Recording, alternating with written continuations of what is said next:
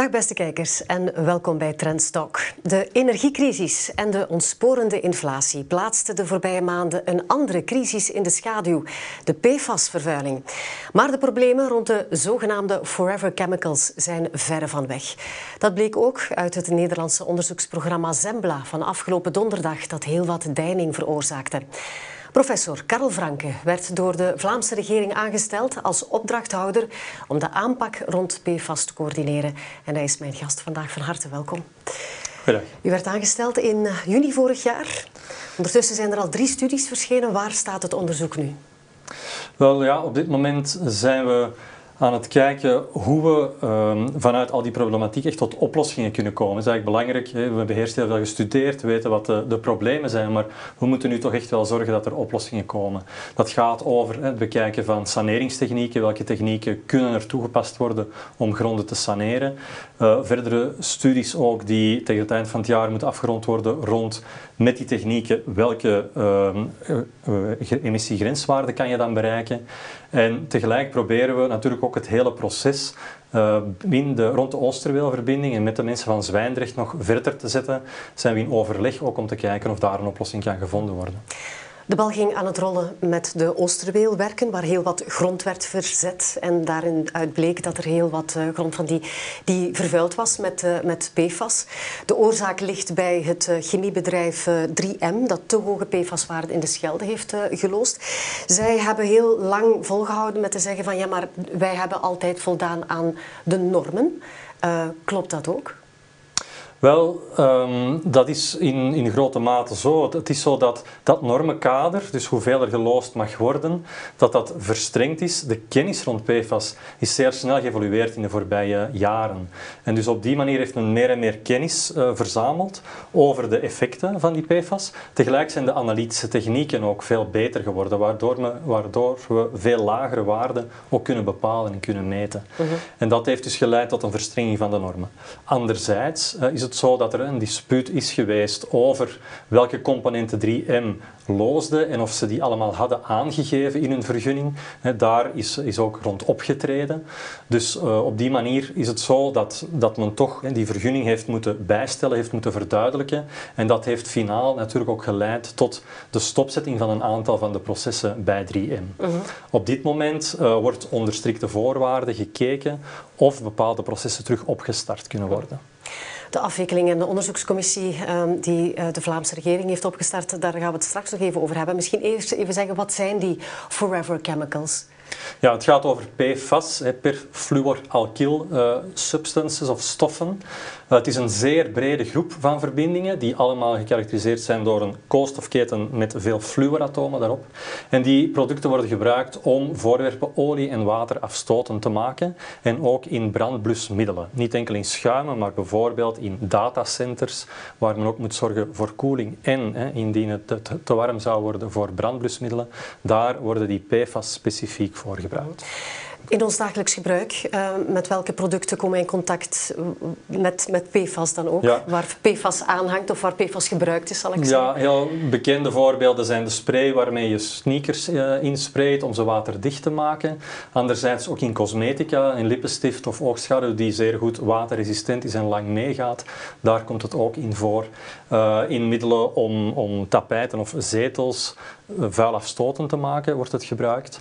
En we vinden het ook terug in een aantal voedingsverpakkingen. Alles wat in papier is, dat toch in voedingsverpakkingen wordt gebruikt, zoals pizzadozen, bekertjes voor koffie. De waterafstotende laag die daarin zit, kan ook PFAS bevatten. Dus het is niet alleen 3M, het zit in ons dagelijkse gebruik. Maar bij 3M, en zeker voor de bewoners in, in Zwijndrecht, op Linkeroever in Antwerpen, zij krijgen te hoge dosies binnen. Waar, waar, waar ligt die grens op dit moment? Wel, die grens die wordt bepaald op basis van studies van het Europese Voedselagentschap, EFSA. Dat is eigenlijk een soort Europese vorm van het FAVV bij ons. En zij hebben studies gedaan om de toelaatbare wekelijkse dosis aan PFAS te bepalen. En um, die is bepaald en uh, we vergelijken nu of een dosis te hoog of niet te hoog is door te gaan vergelijken met die toelaatbare wekelijkse dosis van het, uh, van het EFSA. Mm -hmm. Hoe zit het dan met uh, de afbreekbaarheid? Want het worden de forever chemicals genoemd. Uh, we stapelen ze op in ons, uh, ons lichaam. Maar ja, u heeft daarnet al iets gezegd over saneren. Wat kan er dan gesaneerd worden? Wat kan er gedaan worden om die PFAS uit ons milieu, uit ons lijf te krijgen? Um, wel, om ze uit je lijf te krijgen, dat is gewoon wachten. Uh, dus ze worden uitgescheiden, maar zeer traag. Voor PFOS, de meest genoemde component uh, hier in Vlaanderen, is die halfwaardetijd 5 à 6 jaar. Dus als je een bepaalde concentratie hebt, zal die, als er niets bij komt, na 5 à 6 jaar pas gehalveerd zijn. Uh, voor die kortere ketens, de producten die nu worden gemaakt, is die uh, halfwaardetijd veel korter. Die worden veel sneller uitgescheiden. Mm. Wat betreft bodem is het, nodig om, uh, om, of is het mogelijk om die bodem te gaan saneren. Dat wil zeggen dat de grond uitgegraven wordt en wordt gewassen, om zo de PFAS eruit te halen. En uh, die komt in een slipfractie terecht, die dan verder gestort moet worden. En een deel van, dat, van de gezuiverde bodem kan eventueel hergebruikt worden. Um, wat water betreft uh, kan, kan het ook verwijderd worden door het gebruik van actieve kool, dus filtermaterialen waar het water overgestroomd moet, uh, kan worden. En de PFAS absorbeert dan op die actieve kool. Wat houdt het in voor de, de bewoners in, uh, in Zwijndrecht? Voor Zwijndrecht uh, wel, loopt er nu een, uh, of is er een specifieke hè, bodemsaneringsprocedure aan de gang. Uh, en voor de bewoners het dichtst bij de fabriek is er nu een concreet bodemsaneringsplan. Dat nog voor ligt voor openbaar onderzoek. Dus de bewoners hebben op dit moment nog tijd om daar ook uh, bepaalde vragen rond te stellen of opmerkingen bij te geven. En uh, er wordt daaromtrent bijvoorbeeld ook volgende week een bewonersvergadering georganiseerd. Het betekent concreet dat voor de zone zeer dicht bij de fabriek er nu een plan voor ligt om de tuinen te gaan afgraven tot 70 centimeter. Zal de grond afgegraven worden zodanig dat die um, gezuiverd kan worden en die wordt vervangen door verse grond. Mm -hmm. Maar het probleem beperkt zich niet hè, tot, uh, tot de regio van, uh, van Zwijndrecht. Um, PFAS zit overal. Ik, ik, las een Zweedse studie, zelfs tot in Antarctica is er uh, PFAS, PFAS gevonden. Um, ook in ons land, in Vlaanderen dan. Als, jullie, jullie hebben een kaart opgesteld, een no-regret zone, zeg maar. Wat, wat houdt dat precies in? Ja, er is in Vlaanderen onderzoek gebeurt. Enerzijds op plaatsen die we risicozones noemen, plaatsen waar we verwachten dat er een PFAS-verontreiniging is. En daarnaast ook op plaatsen waar we dat eigenlijk niet verwachten. Uh, en zelfs, ik zal daar eens mee beginnen, de plaatsen waar we het eigenlijk niet verwachten, daar meten we toch regelmatig PFAS. Het zijn de bodem, het zijn de eieren van kippen. Niet in elk staal, niet in zeer hoge niveaus, maar het komt ervoor. En dat is vergelijkbaar met wat u zegt uh, op Antarctica. Dus op mm. plaatsen waar we het niet verwachten, wordt het toch soms gevonden in heel lage gehaltes. In die risicogebieden uh, vinden we uh, meer verontreiniging, echt hogere niveaus.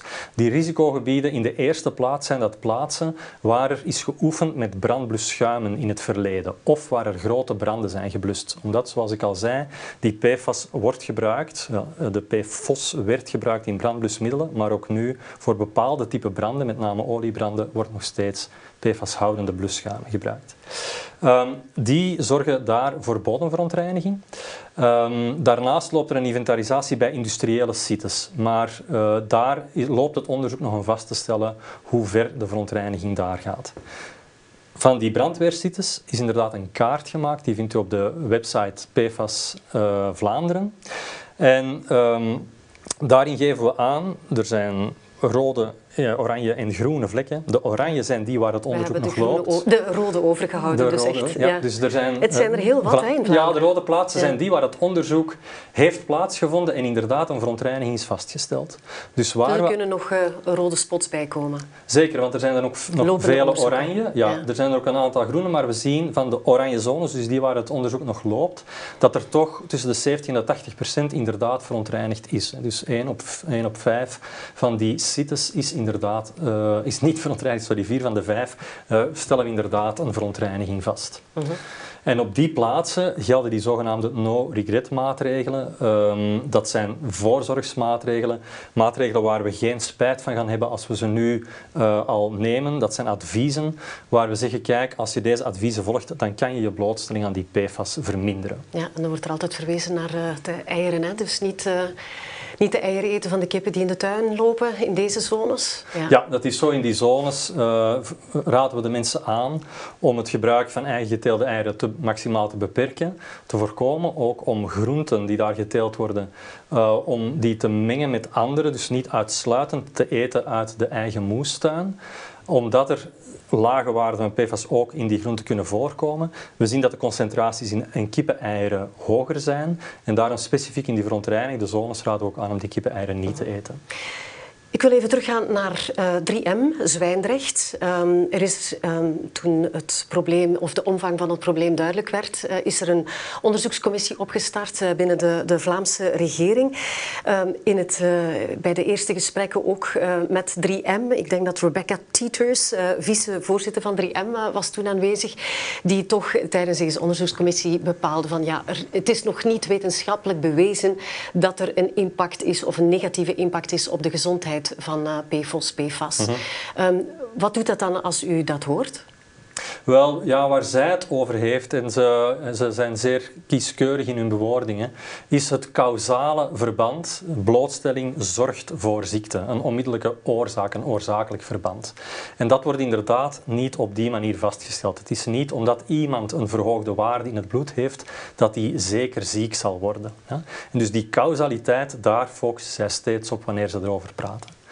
De vaststellingen die zijn gebeurd zijn epidemiologische onderzoeken. Maar, dat wil zeggen... dat is hetzelfde met roken. Het is niet omdat je rookt dat je longkanker zal ja, krijgen. dat is inderdaad zo. Ja, dus, dus dat causale verband, ja, dat is nogal eens in, in processen van in het verleden nogal eens aangehaald natuurlijk. Ja, inderdaad, dat is zo. En dus de, de vaststellingen die men doet zijn op populatieniveau. Men kan zien dat binnen een bepaalde groep mensen, als je de groep groot genoeg neemt, hè, dat je bepaalde aandoeningen, zoals verstoring van je, van je cholesterolgehalte, kan koppelen aan de blootstelling aan PFAS. vanuit een statistisch verband op populatieniveau.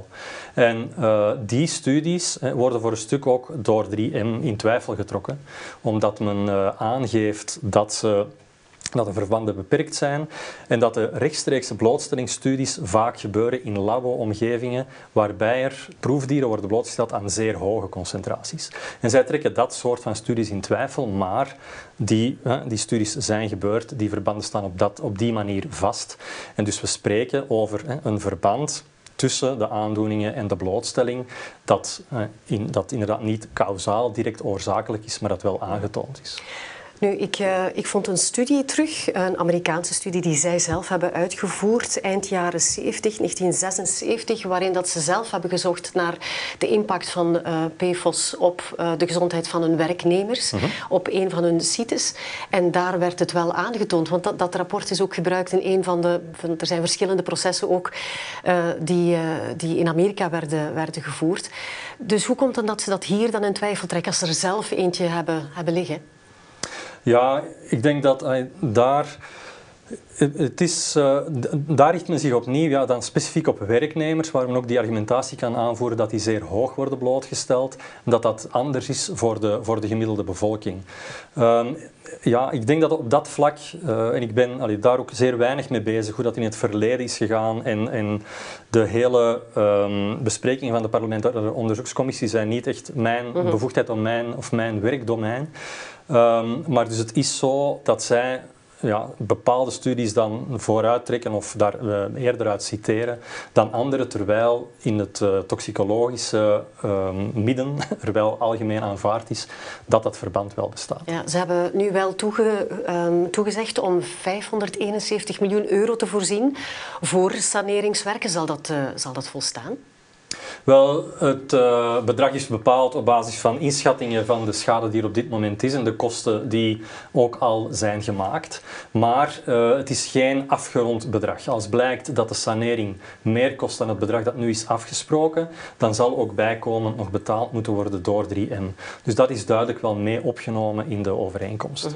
Nu, dit is niet een louter Belgisch probleem. Ik verwees daarnet al naar Amerikaanse uh, rechtszaken die lopen tegen of gelopen hebben tegen 3M, die ook afgekocht zijn voor ettelijke miljoenen dollars. Um, ook in Nederland is dit een zeer groot probleem. Uh, onlangs nog uh, is er overleg geweest met uw Nederlandse collega's. Wat is daaruit? Wat hebben jullie geleerd van elkaar, van de aanpak? Wel, het, het, is heel belangrijk voor ons om te overleggen met de Nederlandse collega's. Uh, PFAS is een heel complex probleem, er zijn zeer veel verschillende aspecten aan. En we zijn eigenlijk maar een kleine regio en kunnen dus niet alles tegelijk uh, bestuderen. Dus we proberen daar complementariteit te vinden. We proberen met hen uh, samen te zitten om te horen van hoe hebben jullie het probleem opgelost bij Chemour. Wij hebben nieuwe recentere gegevens vanuit 3M en we proberen die cases aan elkaar te koppelen. We wisselen ook informatie uit over hoe onze vergunningssystemen werken, want daar zijn specifieke lokale verschillen. En het is belangrijk dat we dat van elkaar begrijpen, hoe de vergunningen opgebouwd worden en hoe ze werken.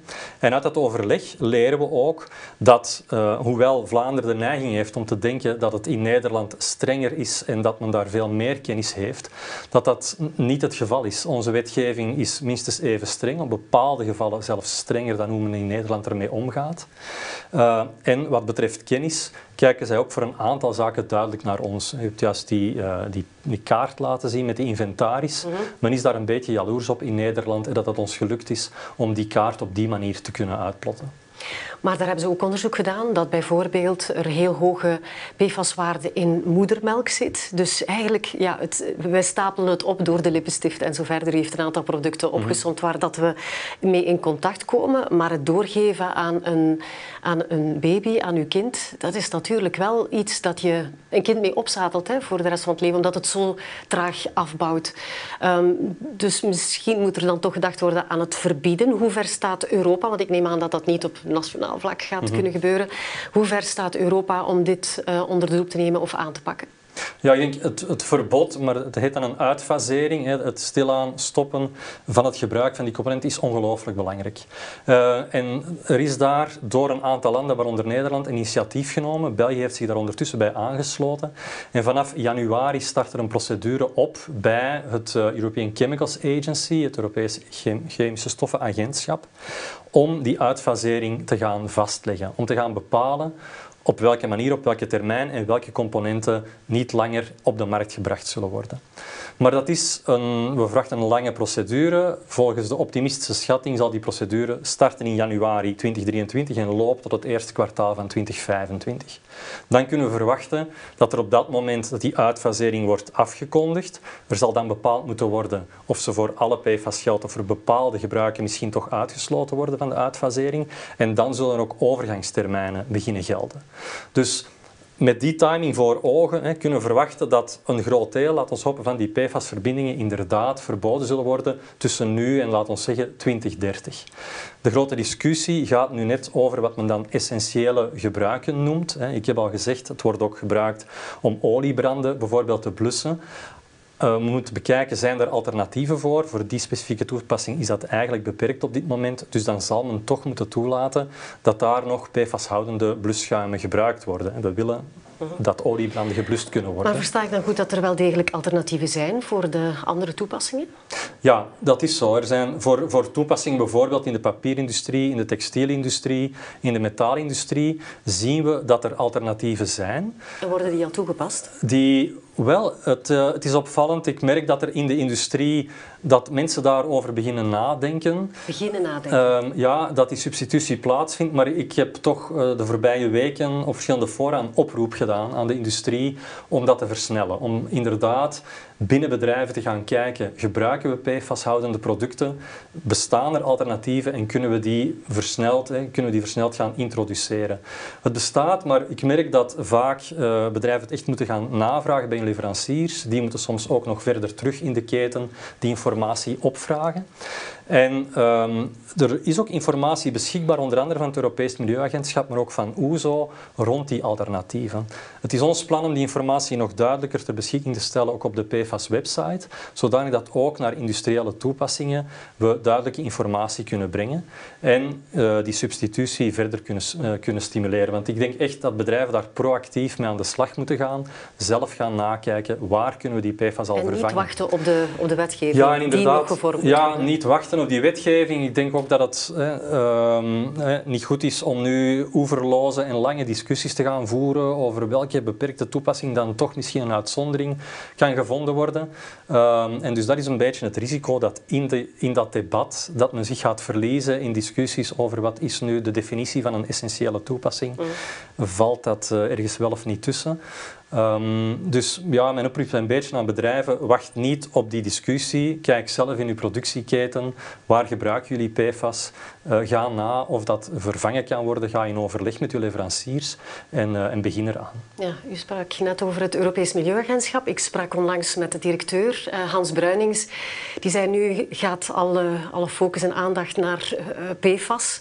Maar er zijn duizenden chemicaliën die gebruikt worden die niet alle testen hebben doorstaan.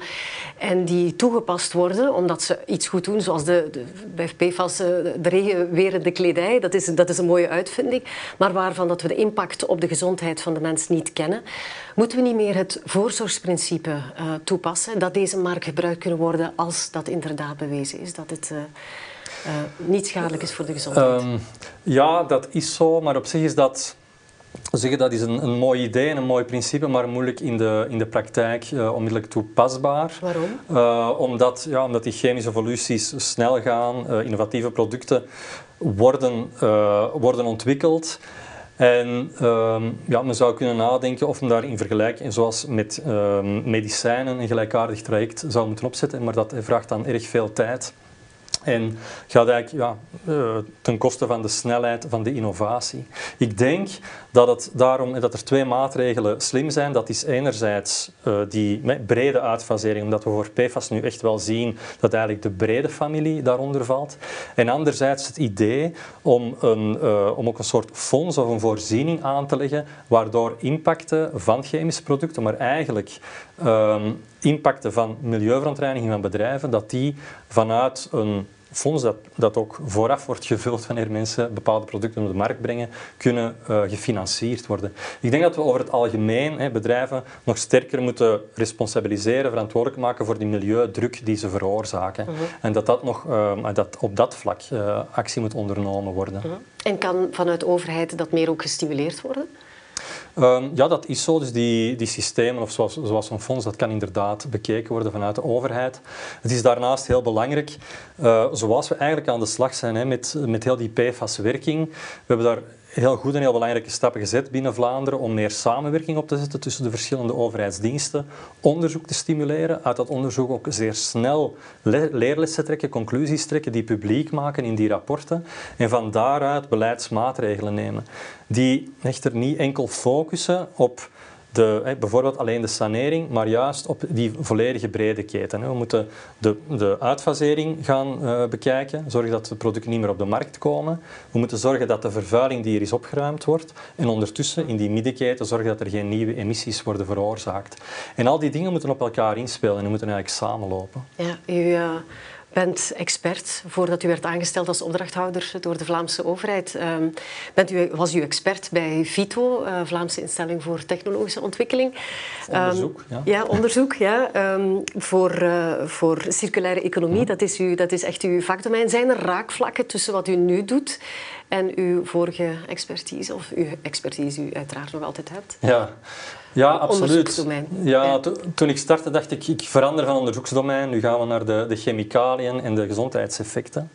Maar uh, ja, als je kijkt naar de toepassingen van die PFAS, eigenlijk worden die gebruikt om de levensduur van producten te verlengen. En dat is nu net wat we in circulaire economie echt willen. Men denkt vaak te beperkend dat circulaire economie gaat enkel over recyclage, maar dat is niet het geval. Het gaat over hoe gaan we om met materialen, met producten en hoe kunnen we levensduur verlengen, hoe kunnen we materialen hergebruiken, maar dan moeten ze die lange levensduur hebben. Hoe kunnen we ze beter repareren in plaats van ze te moeten recycleren.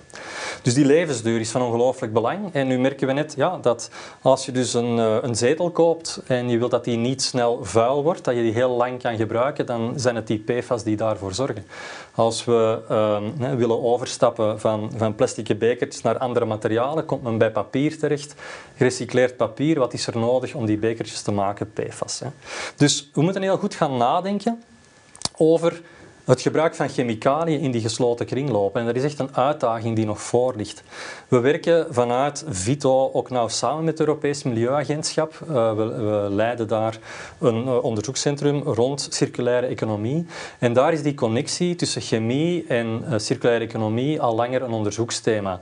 Maar dat is eigenlijk nog ja, in kleine stapjes en voorzichtig. En we zien dat eigenlijk dat onderzoeksdomein nog veel grondiger moet aangepakt worden. Dat is echt nog een uitdaging om die twee elementen samen te brengen. Als we nadenken over circulariteit, moeten we nadenken over gezondheidseffecten die die circulariteit met zich meebrengt. Mhm. Dat is een nieuwe uitdaging vanaf januari, want uw opdracht eh, eindigt hè, eind december. Dat is zo. Ik ben op dit moment... Of is er nog een verlenging uh, mogelijk? Uh, wel, nee, op dit moment is het echt de bedoeling om de, het mandaat eind december terug neer te leggen. Ik denk ook dat dat goed is.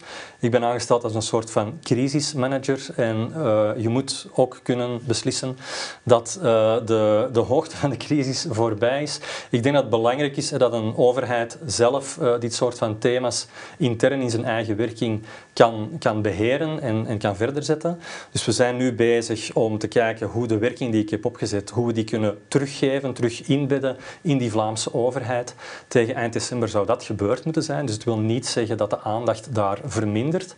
Het wil zeggen dat we op basis van de lessen die we hebben getrokken uit de extra actie die is genomen en die was nodig, dat een aantal van die dingen die ik heb opgezet, en dat gaat over samenwerking en betere communicatie, eh, betere uitwisseling van gegevens tussen overheden, die worden nu teruggegeven aan die overheid, worden geïmplementeerd en zullen na december door uh, intern in de werking worden opgenomen. Mhm. En ik uh, kan terug naar mijn uh, onderzoeksdomein. Ja, goed. Um, de Oosterweel-verbinding, want daar is het allemaal mee begonnen, die is wel stilgelegd. Hoe, hoe staat het daar nu mee? Hoeveel vertraging is er opgelopen? En wanneer kan die terug worden opgestart? dat zijn belangrijke vragen waar ik op dit moment nog niet met data op kan antwoorden. Um, het is zo dat binnen de Oosterweelwerken de werken met vervuilde grond zijn stilgelegd. De werken die nu nog aan de gang zijn, gaan allemaal met, uh, met zuivere grond of in de niet verontreinigde zones. De vervuilde grond uh, is opgestapeld en afgedekt. Uh, ook met, met folie afgedekt, dus die kan ook niet meer verwaaien. En ehm, we bekijken op dit moment ja, op welke manier en onder welke voorwaarden die werken terug kunnen opgestart worden. Er is daar een vertraging en de, het, het stilleggen van de werken in vervuilde grond kan niet blijven duren. Um, er zijn een aantal kantelpunten, uh, een aantal deadlines. Als men daar voorbij is, wordt de vertraging meteen zeer veel langer. En die, uh, die deadlines die komen naderbij. We zouden in de loop van het najaar daar echt tot een oplossing moeten kunnen komen om te kijken hoe we op een, een duurzame, milieuvriendelijke, verantwoorde manier voor de lokale gezondheid die werken terug kunnen opstarten. En daar rond lopen gesprekken. En wanneer er resultaten van zijn, dan zullen we het niet nalaten om erover te communiceren. En ook, ja, dank u. Fijn. Uh, ook 3M moest stilgelegd worden. Hoe zit het uh, daar? Mogen zij hun activiteiten terug heropstarten? Ja, 3M is uh, door de Milieuinspectie stilgelegd. Met name omdat er veel onduidelijkheid was over de emissies van die PFAS naar de lucht. Er is een, zeer, er is een, plan opgezet waarbij ze die emissies naar de lucht veel beter in kaart hebben moeten brengen. Ondersteund door een externe consultant. En op basis daarvan zijn er nu voorwaarden opgelegd voor het heropstarten van processen. Eh, 3M heeft voldaan aan uh, die voorwaarden voor een bepaald deel van de productie, de fluorelastomeren. Die productie is terug opgestart. Die, die draait op dit moment en wordt van zeer nabij gemonitord of inderdaad de gemodelleerde emissies, of dat daaraan kan worden voldaan. Er zijn ook terug een aantal labo-activiteiten opgestart. En er is nog een deel van de productie, zij tellen in processen en dat is een, een zeventigtal processen, uh, maar eigenlijk gaat dat over een beperkt aantal producten, die nog niet terug opgestart zijn en waar die besprekingen nog lopen. Van zodra die opstart uh, gebeurt, zal, zullen we daar ook over communiceren met de lokale bevolking. We hebben ehm, in de zomer nog een bewonersvergadering ook gedaan om toelichting te geven bij die reeds heropgestarte processen. Ja, want die bezorgdheid zal wel blijven, neem ik Dat is zo. Het is van belang om daarbij te melden dat RIEM ook heeft gekozen om een bepaald deel van de productie niet terug op te starten. Met name de processen die te maken hebben met de, de PFB's, PFBA, met de korte keten PFAS, hebben zij beslist om niet terug op te starten. Mhm. Heel veel vragen die leven bij de bevolking. En we hebben de kaart gezien, niet alleen in uh, Zwijndrecht, maar in heel, uh, in heel Vlaanderen. Mhm. Vandaar dat jullie ook een, uh, een podcast hebben opgestart, die maandelijks zal worden vrijgegeven, een nieuwe editie. Ja. Wat mogen we daarvan verwachten? Wel, dus uh, vanaf volgende week lanceren of starten we een podcastreeks met de bedoeling om toelichting te geven bij eh, wat is PFAS en hoe we ermee omgaan, maar toch ook verschillende aspecten van het onderzoek uh, wat we hebben gevoerd om die onder de aandacht te brengen. De eerste aflevering zal vrij algemeen zijn en heeft eigenlijk ook als doelpubliek de middelbare scholen om toegankelijk materiaal aan te bieden voor scholen om aan, um, om, om, aan de scholieren toelichting te geven. Hoe zit dat nu met die PFAS? Wat is het probleem? Mm. Waarvoor gebruiken we ze? En die wordt dus uh, volgende week uh, gereleased. En dan plannen we maandelijks nieuwe afleveringen. De tweede aflevering zal bijvoorbeeld gaan over die samenwerking met Nederland, waar u ook al naar verwees. -hmm. We hebben andere afleveringen over bodemovervoeding en dus al die verschillende componenten, al die verschillende elementen zullen aan bod komen. Goed, onze tijd zit erop. Uh, Karel Franke, dank u wel voor de uitleg. En nog uh, veel succes de komende maanden, hè, want er zal nog wel heel wat werk op de plank liggen. Dank u wel. Ja, dank u wel. Dit was Trendstalk. Volgende week praat Jozef van Gelder met de CEO van Neuhaus, Injas van Doorselaren, over het boek dat hij schreef, De essentie bedenkingen van een bedrijfsleider. Bedankt voor het kijken.